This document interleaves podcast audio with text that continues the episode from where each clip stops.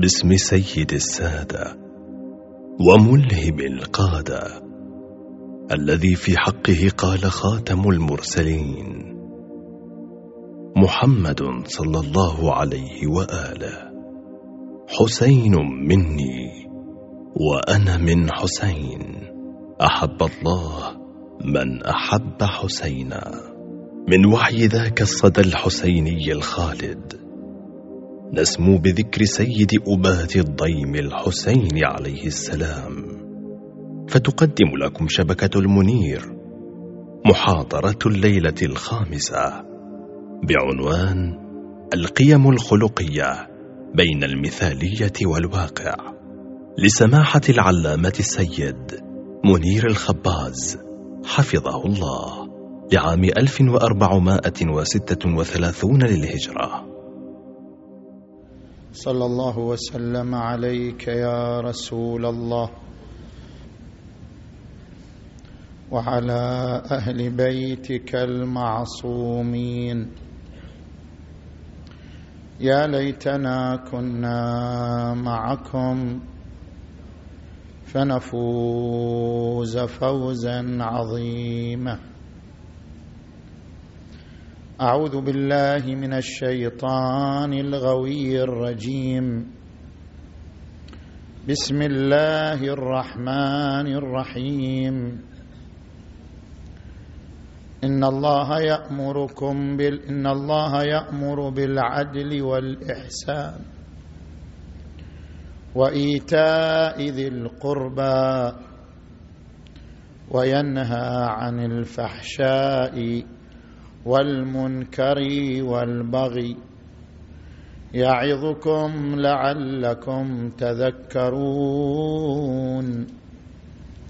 آمنا بالله صدق الله العلي العظيم. انطلاقا من الآية المباركة نتحدث في ثلاثة محاور. المحور الأول الصراع بين القيم وبين الطبع.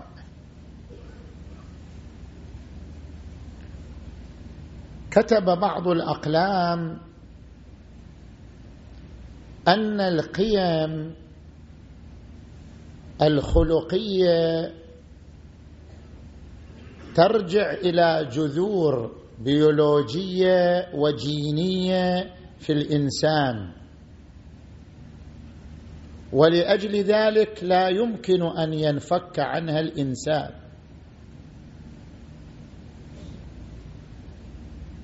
فهناك بعض الأشخاص يولد كريما والآخر يولد بخيلا. وثالث يولد عفيفا ورابع يولد شرها وخامس يولد غضوبا وسادس يولد حليما. فلكل شخص صفة ناشئة عن جيناته وجذوره البيولوجية. لأجل ذلك يبقى الكريم كريما والبخيل بخيلا والغضوب غضوبا على ما تولد عليه وعلى ما اقتضته طبيعته.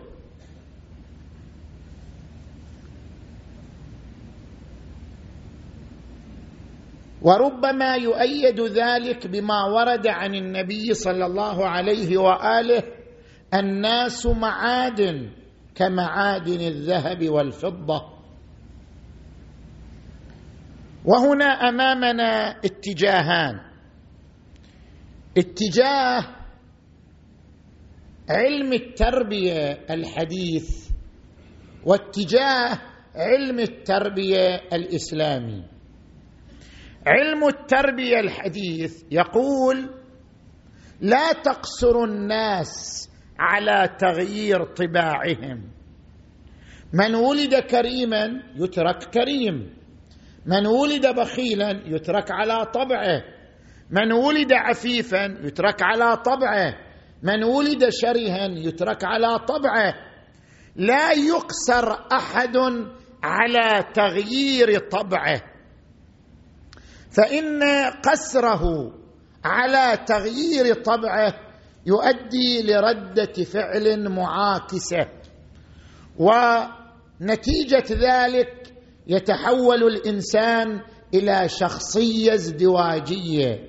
يظهر أمام الناس بطبع ويبطن طبعا آخر. فمقتضى التربية أن يترك الناس على طباعهم. غاية الأمر هناك قيمة. لا بد أن يلتزم بها الناس نتيجة عقد اجتماعي بينهم وهي أن لا يعتدي أحد على آخر فقط. وإلا فكل واحد تعطى له الفرصة أن يمارس طبعه وميوله سواء أعجبنا طبعه أم لم يعجبنا المهم أن لا يعتدي على الآخر. فعلم التربية الحديث علم واقعي لأنه يتعامل مع الناس على ضوء طباعهم من دون قسر من دون تغيير. بينما علم التربية الإسلامي يطلب من الناس أن يغيروا فيقول ينبغي للإنسان أن يكون كريما عفيفا حليما مضحيا وهذا يعني أن يقصر الإنسان على تغيير طبعه مما تكون له آثار خطيرة على شخصيته وسلوكه. هذه المقالة تحتاج أن نسلط الضوء عليها وذلك من خلال أمور ثلاثة. الأمر الأول هل أن الإنسان بفطرته يمتلك الاستعداد لأن يتحلى بالقيم كلها؟ بأن يصبح كريما عفيفا حليما متواضعا. أو لا يملك الإنسان الاستعداد لذلك. هو فقط عنده استعداد يا يصير بخيل يا يصير كريم. ما عنده استعداد أن يتحمل الفضائل كلها. هل الإنسان بفطرته يمتلك الاستعداد للفضائل أم لا؟ نحن نرى بشهادة الوجدان أن الإنسان يمتلك الاستعداد لأن يكون فاضلا عفيفا كريما حليما متواضعا. لأنه ولد بخيلا فلا يمكن أن يتغير. أو ولد شرها فلا يمكن أن يتغير. أو ولد متحررا فلا يمكن أن يتغير. بل الوجدان شاهد أن الإنسان يمتلك الاستعداد لأن يتحلى بالقيم كلها. كيف الوجدان شاهد؟ عندنا دليلان على هذا الوجدان. الدليل الأول البهجة والنفور.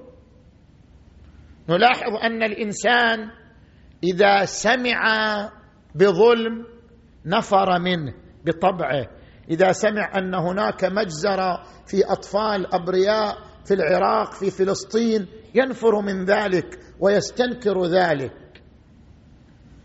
إذا سمع بالعدل أن هناك مجرمين عوقبوا على جرائمهم يأنس ويبتهج ويلتذ.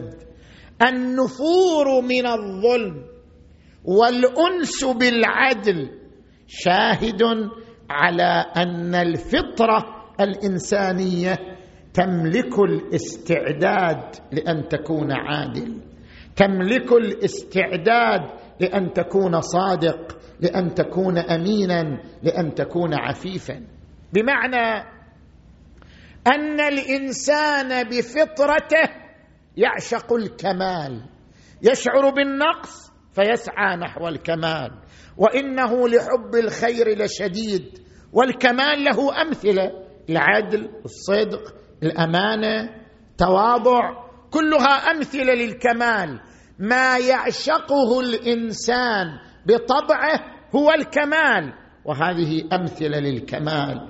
والشاهد الوجداني على أنه يعشق الكمال أنه يبتهج بهذه الأمثلة وينفر من أضدادها. والدليل الثاني المجتمع العقلائي المجتمع العقلائي اتفق على مدح العادل وذم الظالم. مدح الصادق وذم الكاذب مدح الأمين وذم الخائن.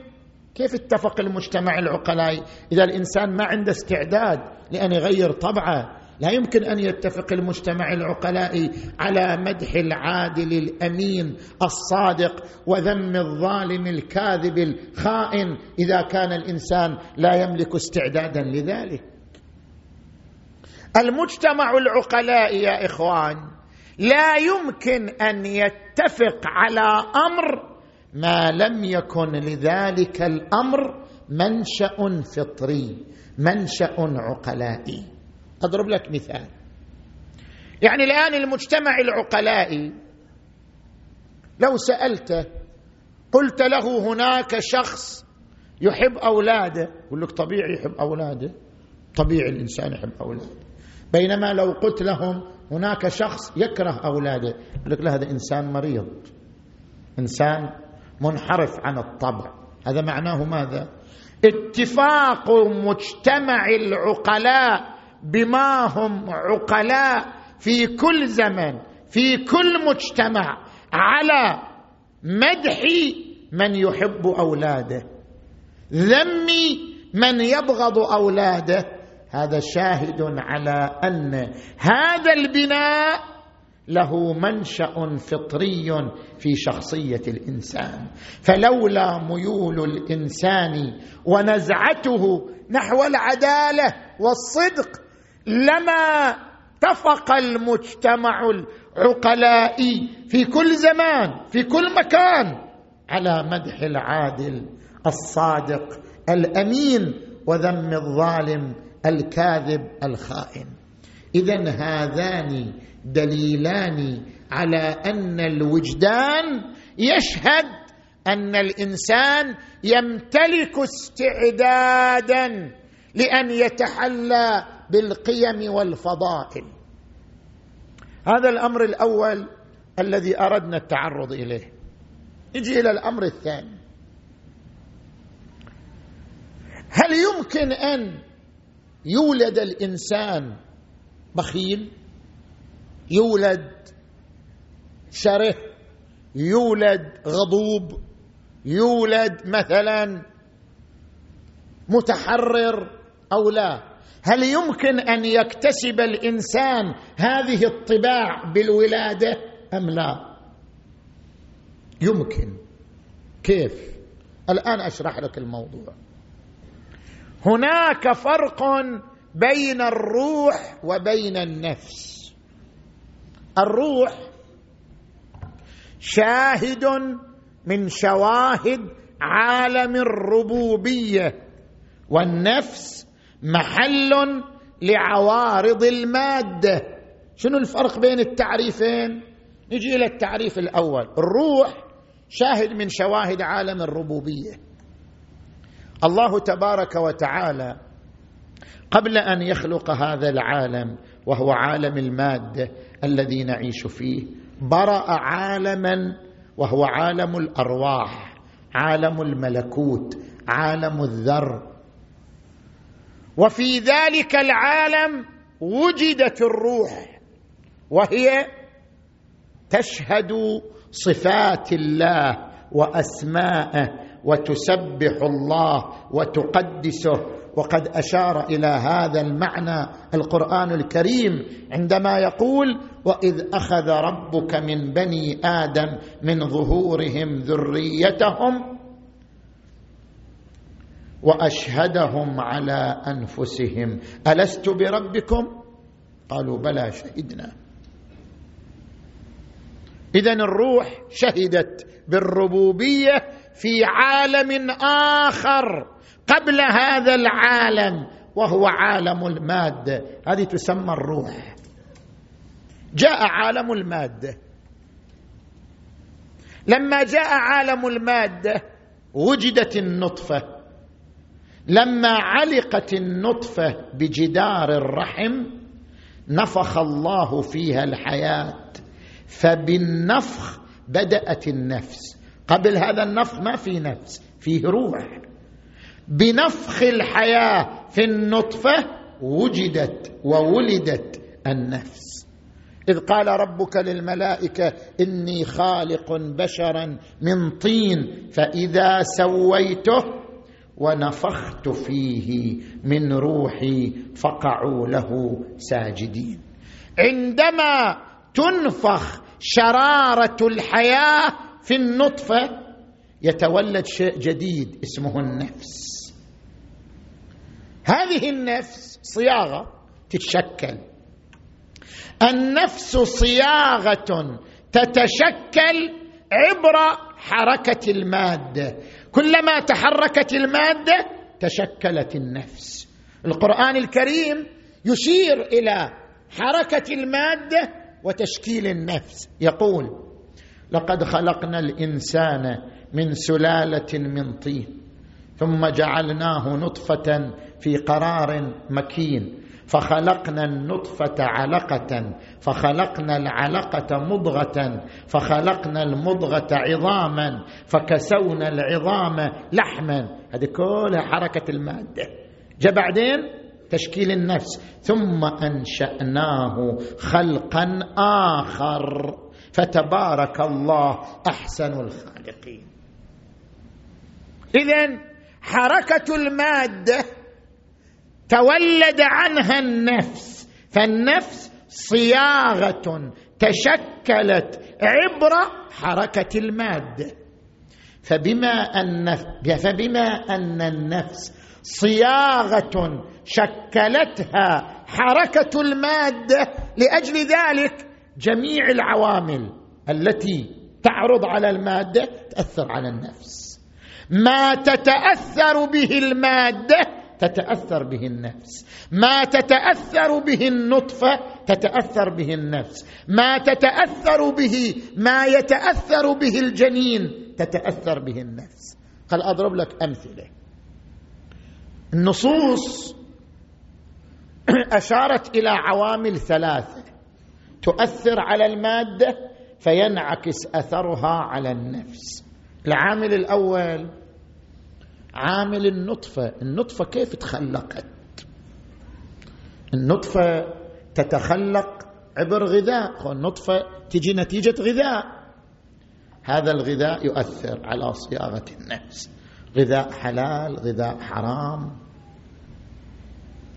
ورد عن النبي صلى الله عليه وآله من زوج كريمته شارب خمر فقد قطع رحمها.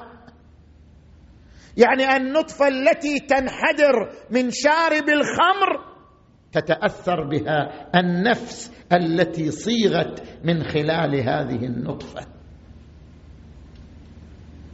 العامل الثاني عامل الجينات الوراثية. الجينوم الكامن في الحمض النووي للإنسان يحمل بصمات الآباء والأجداد. ينقل صفات الآباء والأجداد إلى هذه النطفة فتنعكس على النفس. ولذلك ورد عن النبي صلى الله عليه وآله اختاروا لنطفكم فإن العرق دساس وورد عنه صلى الله عليه وآله إياكم وخضراء الدمن. قيل وما خضراء الدمن؟ قال المرأة الحسناء في منبت السوء. هي حسناء لكن عائلتها مو شريفة. المرأة الحسناء في منبت السوء.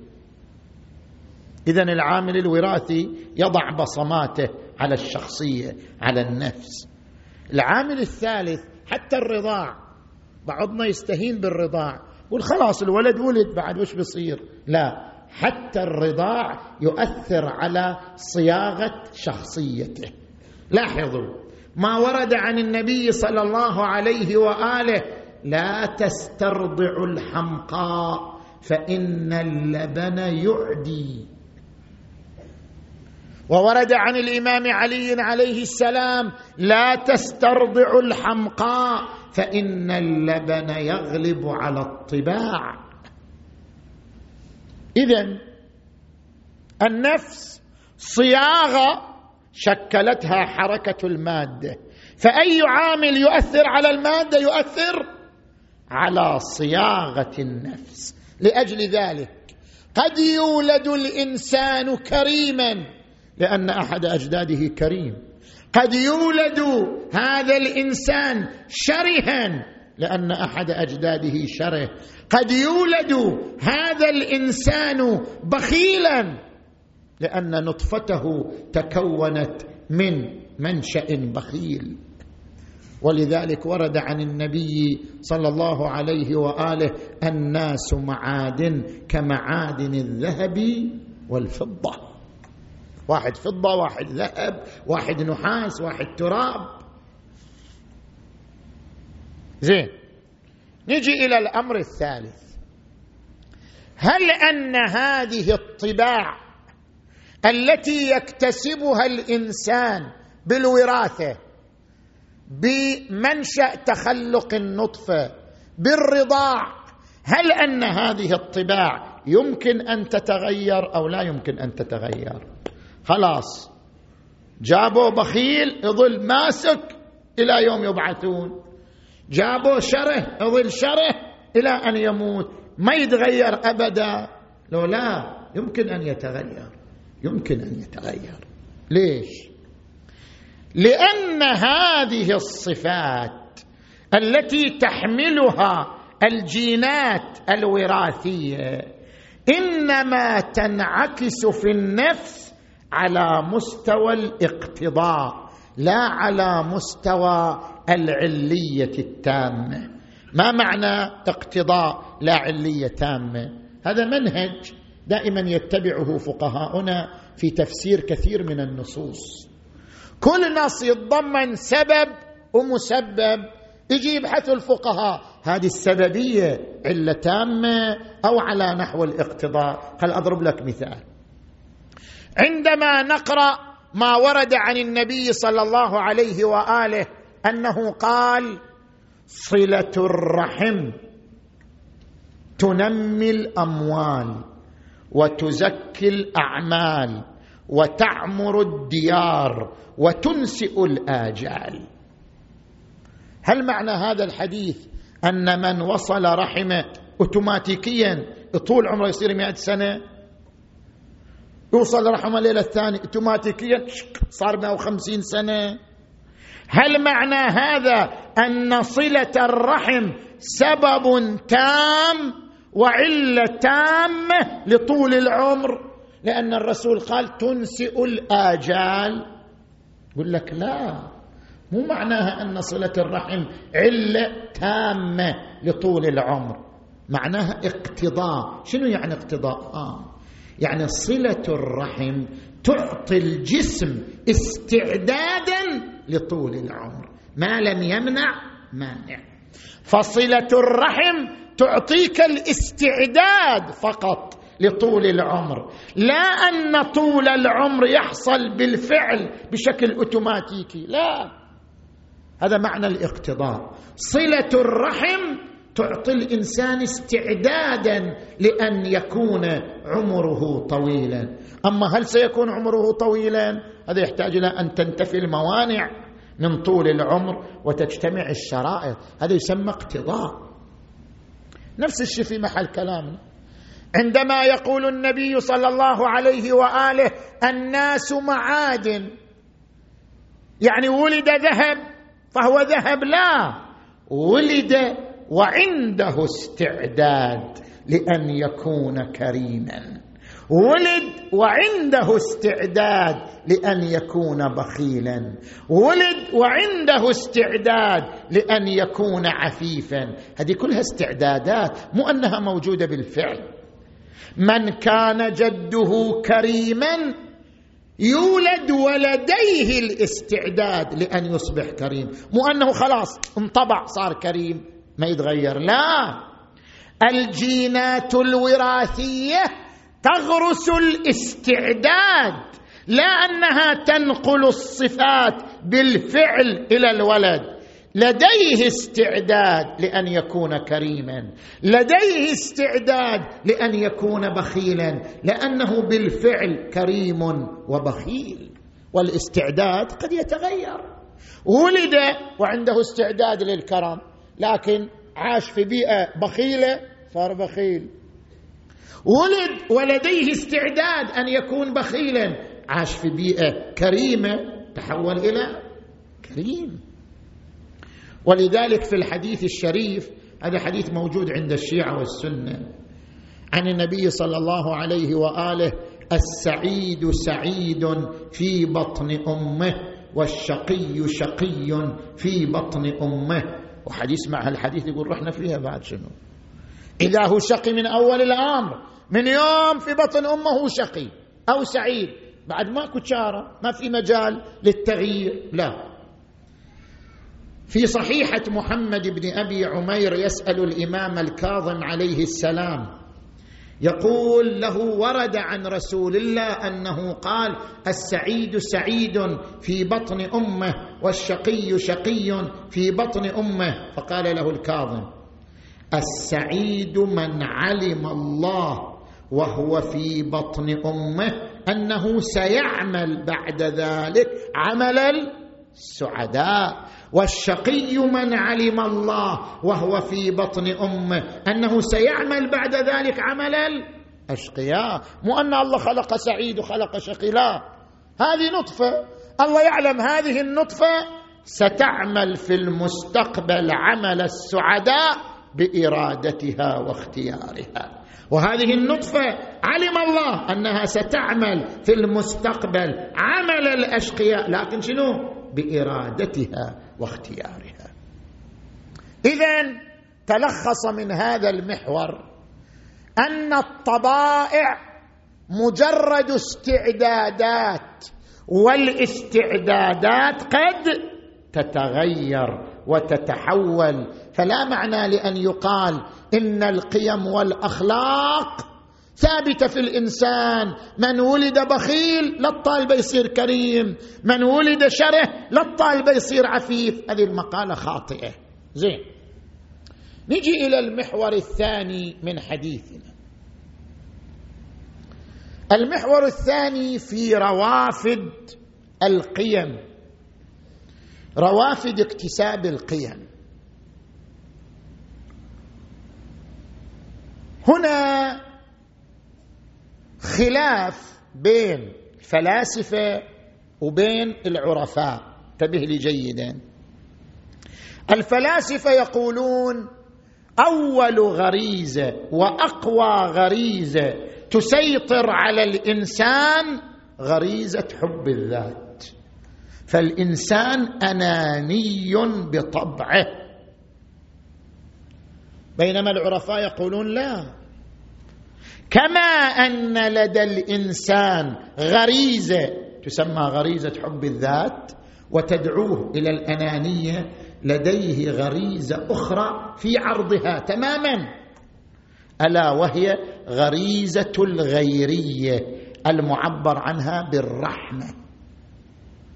شنو دليل العرفاء؟ خل أشرح لك الموضوع. العرفاء هنا يذكرون أمرين. أمر الأول يقولون أبرز صفة للخالق عز وجل هي صفة الرحمن. ولذلك قرن الرحمن بالله. قل ادعوا الله أو ادعوا الرحمن. ما جاب صفة أخرى؟ جاب صفة الرحمن. قل ادعوا الله أو ادعوا الرحمن. ايا ما تدعو. فله الأسماء الحسنى. أبرز صفة صفة الرحمن لأنها الصفة التي تعامل الله بها مع خلقه. لذلك قرنت باسمه جل وعلا. هذا الأمر الأول. الأمر الثاني مقتضى المسانخة بين الله وبين خلقه بين الفاعل وفعله بين العلة ومعلولها. إذا كان الخالق رحمن فمقتضى ذلك أن يكون المخلوق أيضا شنو؟ رحيما. فالخالق الرحمن جل وعلا أبدع المخلوقات بصفة الرحمة فأعطى كل مخلوق صفة الرحمة. ما في إنسان ما عنده رحمة. حتى الظالم يرحم نفسه. ما في إنسان ما عنده رحمة. الله تبارك وتعالى أودع في كل إنسان نزعة الرحمة وخلق الرحمة. فإن هذا مقتضى المسانخة بين العلة والمعلول أن يكون الإنسان أيضا مظهرا للرحمة. لذلك كما يمتلك الإنسان غريزة الأنانية يمتلك الإنسان غريزه الرحمة. فالإنسان لديه غريزتان ونزعتان في عرض واحد. غريزة حب الذات غريزة الرحمة. غريزة حب الذات تدعوه للرذائل. رذائل كلها تجتمع في حب الذات. الكذب الظلم الخيانة التكبر الشرة كله يتلخص في حب الذات. بينما الفضائل كلها تتلخص في الرحمة. تواضع الكرم الإيثار كلها تدخل تحت ضمن كلمة الرحمة بالآخرين. فالإنسان كما له نزعة حب الذات وهي الأنانية له نزعة الرحمة أيضا. كلاهما في عرض واحد. إنما كيف يتحول الإنسان إلى أناني ويغفل نزعة الرحمة؟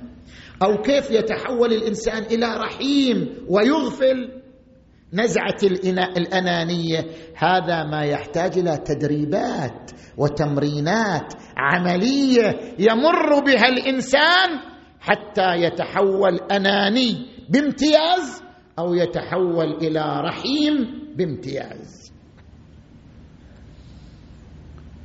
لأجل ذلك يا إخوان ما طرحه بعض علماء التربية الحديثة من أن الإنسان ما يتغير. هذا هو. ولدته أمه كريم كريم. ولدته أمه بخيل بخيل. لا. ليش؟ لأن الإنسان ولد ولديه نزعتان. نزعة الأنانية تدعوه إلى البخل. نزعة الرحمة تدعوه إلى الكرم ومقتضى ذلك أن يمر بتدريبات تدخله تحت هذه النزعة أو هذه النزعة. لذلك شوف ناس عنده ذرة من الرحمة وهو أنه يرحم نفسه فقط. وهناك شخص كله رحمة وما أرسلناك إلا رحمة للعالمين. محمد.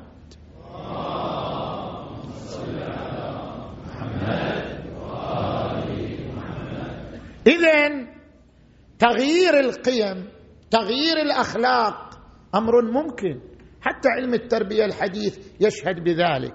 فلا أضرب لك أمثلة؟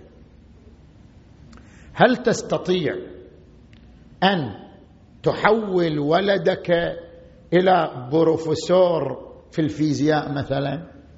تقدر تخلي ولدك في المستقبل يصير بروفيسور في الفيزياء لو ما يمكن. شيء ممكن. كيف ممكن؟ علماء التربية يقولون ممكن إذا اجتمعت عوامل ثلاثة. العامل النفسي وهو الاستعداد. العامل التعليمي وهو تلقين على المفهوم العامل التربوي وهو المحفز نحو الإرادة. كل شيء انت تريد تصنعه بهالعوامل الثلاثة تقدر تحققه. العامل الأول العامل النفسي. هل يمتلك ولدك الاستعداد الذهني والرغبة لأن يكون فيزيائيا أم لا؟ هذا العامل الأول لازم أنت تحرزه. إذا أحرزت أن ولدك يمتلك طاقة ذهنية عالية ويمتلك إرادة حازمة اذا العامل الأول توفر وهو الاستعداد. هذا العامل النفسي. نجي إلى العامل الثاني ألا وهو العامل التعليمي. هل أنت تقوم بتلقينه بهذا الموضوع أم لا؟ إذا صرت تلقنه تقول له دائما الفيزياء علم ممتاز. الفيزياء علم ينفع البشرية. عالم الفيزياء عالم عظيم. فيزياء كله عظمة. إذا بدأت تلقنه على مدى زمني معين بأهمية الفيزياء توفر العامل الثاني وهو العامل التعليمي يبقى العامل الثالث المحفز. لازم تعطيه محفز. المحفز الذي يبعث إرادته. تعطي جوائز. تقول له والله أنا بدخلك دورة في الفيزياء. كل امتحان تجيب فيه مئة بالمئة أعطيك جائزة. أعطيك جوال أعطيك ساعة أعطيك كمبيوتر كذا كذا. تعطيه محفزات. إذا اجتمعت العوامل الثلاثة النفسي والتعليمي والتربوي سيصبح عالما في الفيزياء. كما يمكن لنا أن نصنع من أولادنا علماء.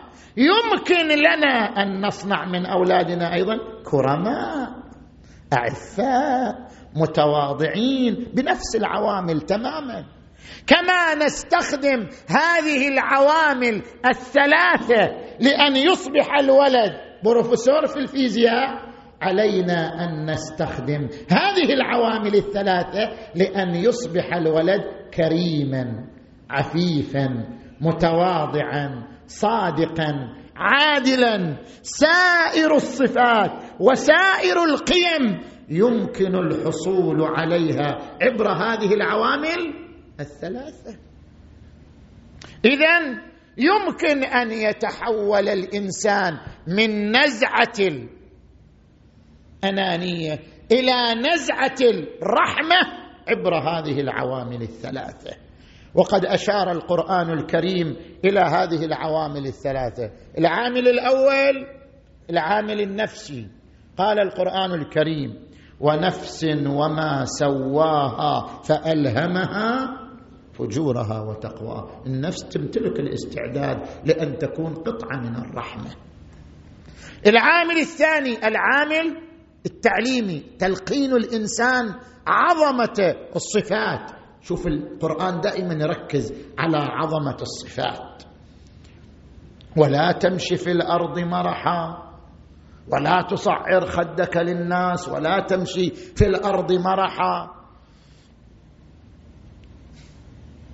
واقصد في مشيك واغضض من صوتك إن الله يأمر بالعدل والإحسان وإيتاء ذي القربى وينهى عن الفحشاء والمنكر والبغي. هذه كلها عامل تعليمي تلقين بعظمة الصفات والقيم الحسنة. العامل التربوي وهو المحفز نحو الإرادة أيضا القرآن يستخدمه. يقول إنما يوفى الصابرون أجرهم بغير حساب. ومن يتق الله يجعل له مخرجا ويرزقه من حيث لا يحتسب. وأمثالها من الآيات. زين. فتبين لنا بالمحور الأول أن الطباع يمكن أن تتغير. وتبين لنا بالمحور الثاني أننا يمكن أن نخلق من أولادنا من يتحلى بالقيم والفضائل عبر العوامل الثلاثة التي تحدثنا عنها. نجي إلى المحور الثالث. صلوا على محمد وآل محمد.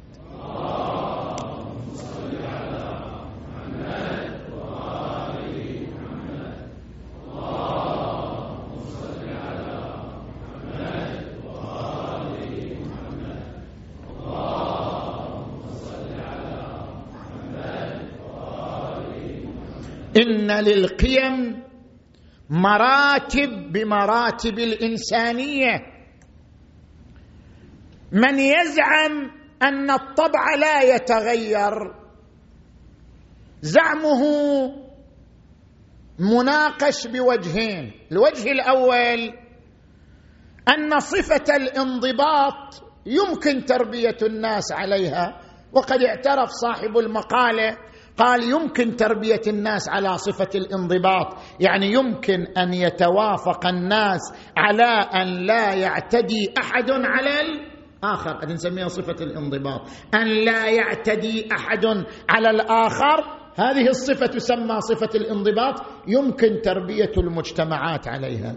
إذا أمكن تربية المجتمعات على صفة الانضباط أمكن تربيتهم على صفة الكرم.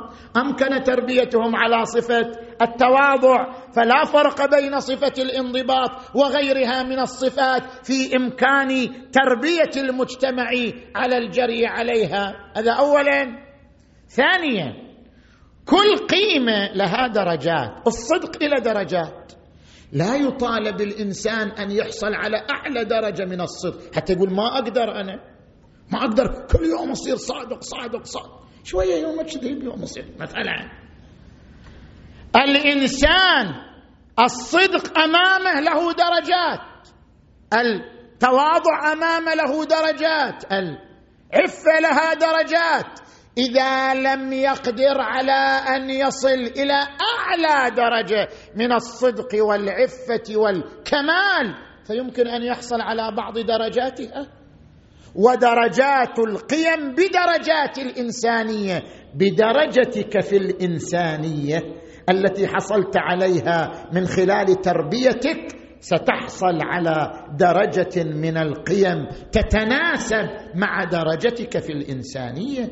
ولذلك ورد عن الإمام أمير المؤمنين علي عليه السلام إن لكل مأموم إماما يقتدي به ويستضيء بنور علمه. ألا وإن إمامكم يقصد نفسه قد اكتفى من دنياه بطمره ومن طعامه بقرصه.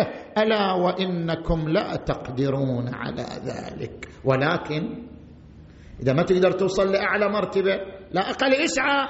ألا وإنكم لا تقدرون على ذلك. ولكن أعينونا بورع واجتهاد وعفة وسداد. ومن أبرز مظاهر الرحمة صفاء النفس. أن تكون نفسك صافية تجاه الآخر. وإن أساء إليك. وإن اعتدى عليك. هل يمكن أن تكون نفسك صافية تجاه الآخر؟ وإن أساء إليك. وإن اعتدى عليك. واحد يقول لا والله ما أقدر أنا. أنا زين ويا الناس ما دام يحسنوا لي. أما إذا أساء إلي كيف أصير زين وياه؟ يمسح بالارض وأسكت عنه. ما يصير. هل يمكن أن تفرز بين الآخر وبين إساءته؟ أم لا يمكن؟ أن تقول نعم هو أساء إلي لكن لعل إساءته صدرت عن خطأ. صدرت عن ضغط نفسي صدرت عن ظرف قاهر. لعل إساءته لم تصدر عن خبث عن عمد ما دام يمكن التفكيك تقدر أنت تفكك. ما دام يمكنك التفكيك بين الإنسان وبين فعله بأن تقول هذا الإنسان محترم. أنا تجاهه صافي النفس نقي النفس وإن كانت إساءته لي امرا مبغوضا. أنا أبغض إساءته لكنني لا أبغضه. أكره فعله لكنني لا أكرهه.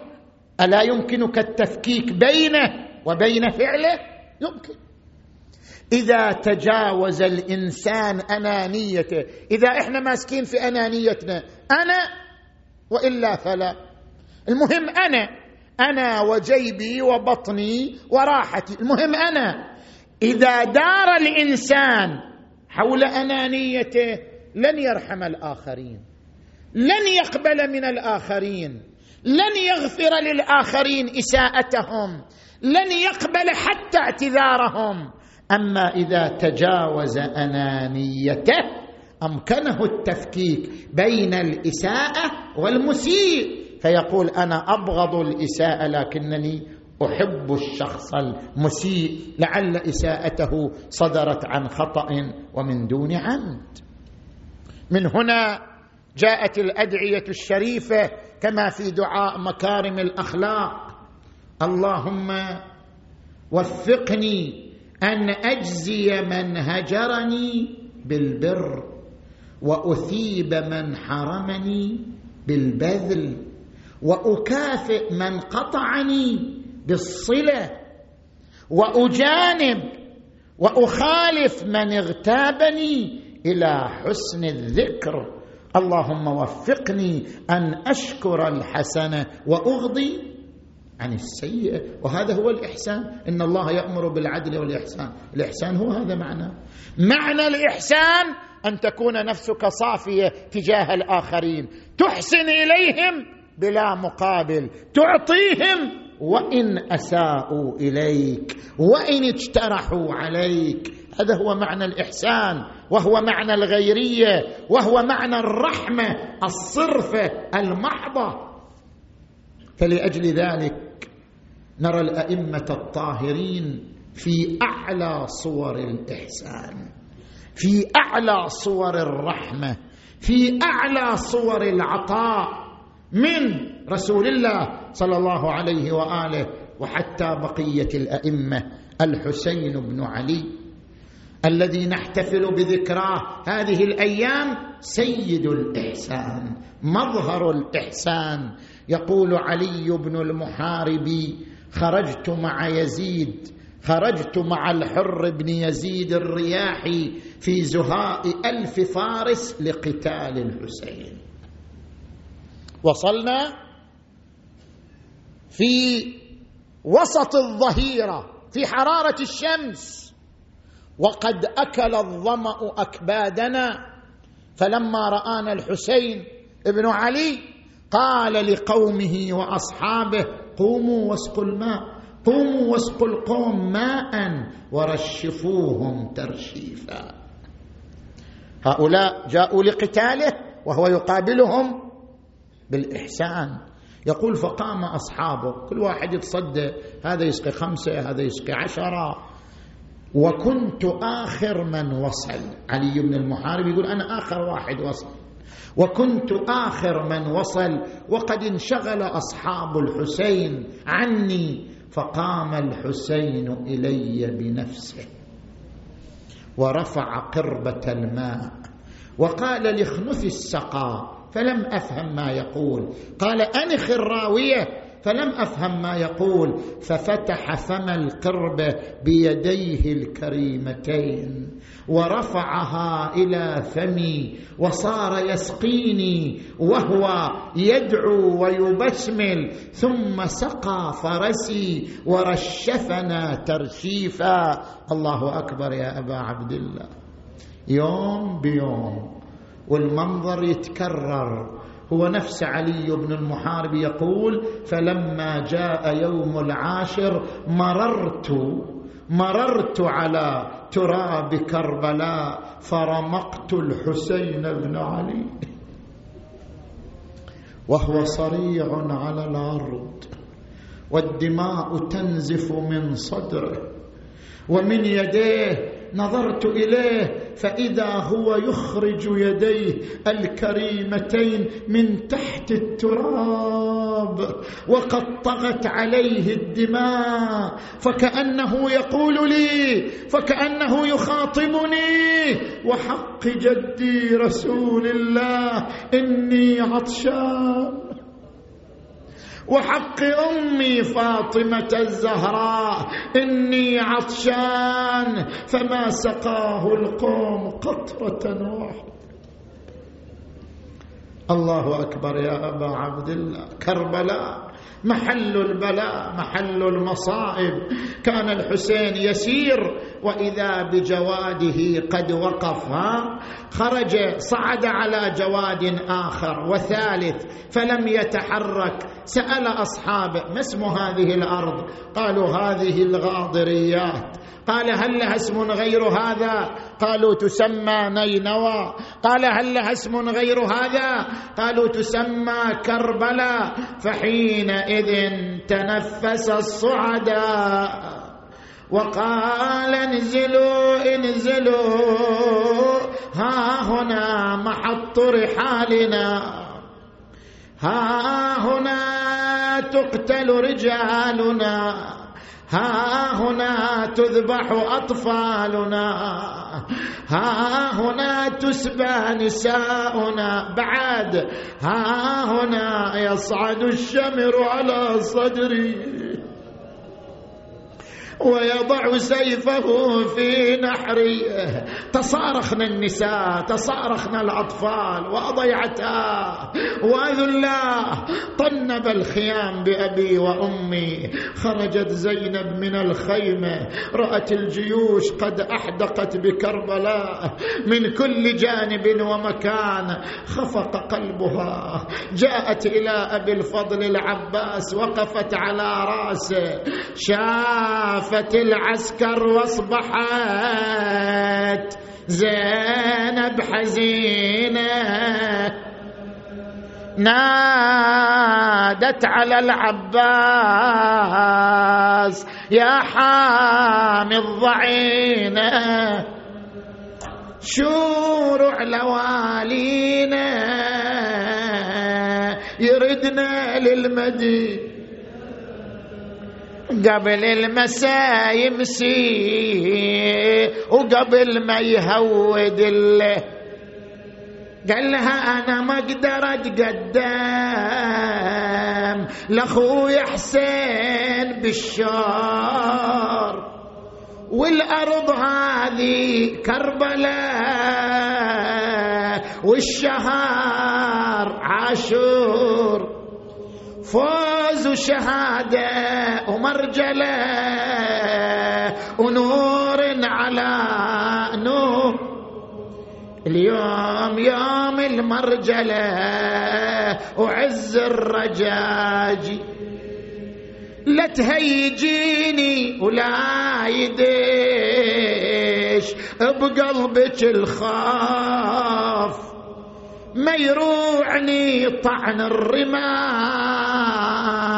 وضرب السيوف. بس اطلبي من الله يسلم لي هالجفوف لحمل على العسكر وذكرهم أبوه. قالت عرفك بالحرام. يا أخويا وافي. وقطع الزند هذا الذي منا مخاف. اليوم بمعزة وبعدكم. ما أدري شوافي. ياهو يرد الخيل لو هجمت عليه. كرام بأرض الغاضرية عرسوا.